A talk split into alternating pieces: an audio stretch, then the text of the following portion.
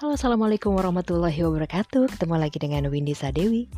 Kali ini saya nggak akan bahas tentang horor Tapi akan membahas tentang perbedaan antara keberhasilan dan kegagalan Didapatkan pada sikap orang terhadap kemunduran, cacat, keputusasaan, dan situasi lain yang mengecewakan. 5 pedoman untuk membantu Anda mengubah kekalahan menjadi kemenangan adalah 1 pelajari kemunduran untuk melicinkan jalan menuju keberhasilan. Ketika Anda kalah, belajarlah dan kemudian lanjutkan untuk menang pada kesempatan berikutnya. Kedua, miliki keberanian untuk menjadi kritikus diri sendiri yang konstruktif. Selidiki kesalahan dan kelemahan Anda, dan kemudian perbaiki. Ini membuat Anda akan sukses. Berhentilah menyalahkan nasib. Periksa setiap kemunduran, cari tahu apa yang menjadi jalan yang keliru.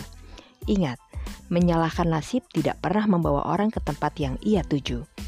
4. Gabungkanlah ketekunan dan eksperimen. Tetaplah menjadi diri Anda dengan cita-cita Anda, tetapi jangan benturkan kepala Anda di dinding batu. Cobalah pendekatan baru, bereksperimenlah. Kelima, ingatlah, ada sisi baik dalam situasi.